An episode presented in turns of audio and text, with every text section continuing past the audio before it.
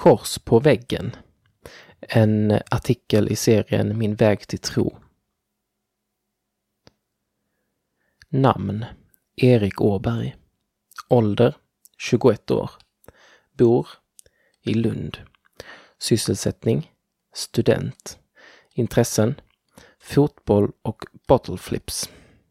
Meriter ligger bakom EM-låten Bäst i Europa som drog uppmärksamhet från både Expressen och Kvällsposten och resulterade i att Erik och hans medskapare fick träffa spelare ur fotbollslandslaget.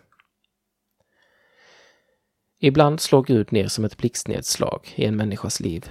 Ibland tar han längre tid på sig. I Erik Åbergs liv valde Gud att ta det långsamt. Men när han väl gjorde sig tydlig var det inget snack om saken. Den unge Erik var ingen komplicerad person.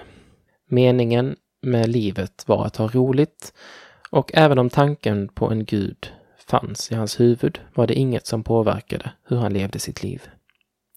Jag tänkte att det antagligen fanns en gud och att det skulle vara den kristna guden eftersom så många människor redan trodde på honom.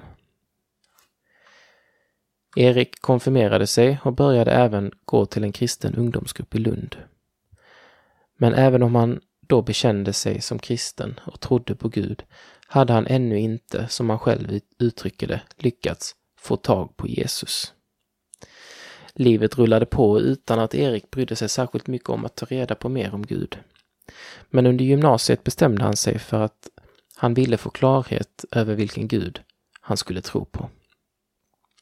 Jag satte igång en Youtube-film med en okristen kille. Efter ett tag märkte jag att väggen i bakgrunden var full av kors. Jag blev varm i hela kroppen. Det kanske låter som en liten grej, men när jag såg det så visste jag direkt.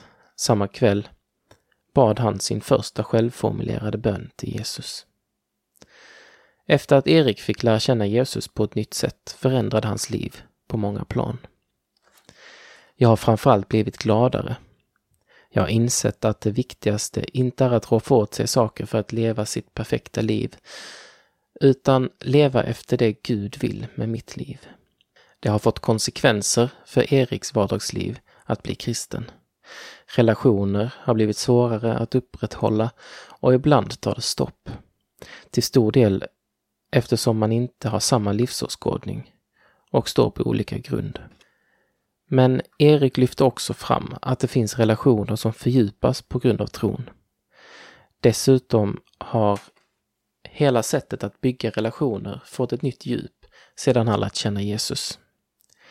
Idag brinner Erik för att sprida vidare evangeliet och Jesus till andra människor tillsammans med bland annat Street Church i Malmö och Pannkakskyrkan.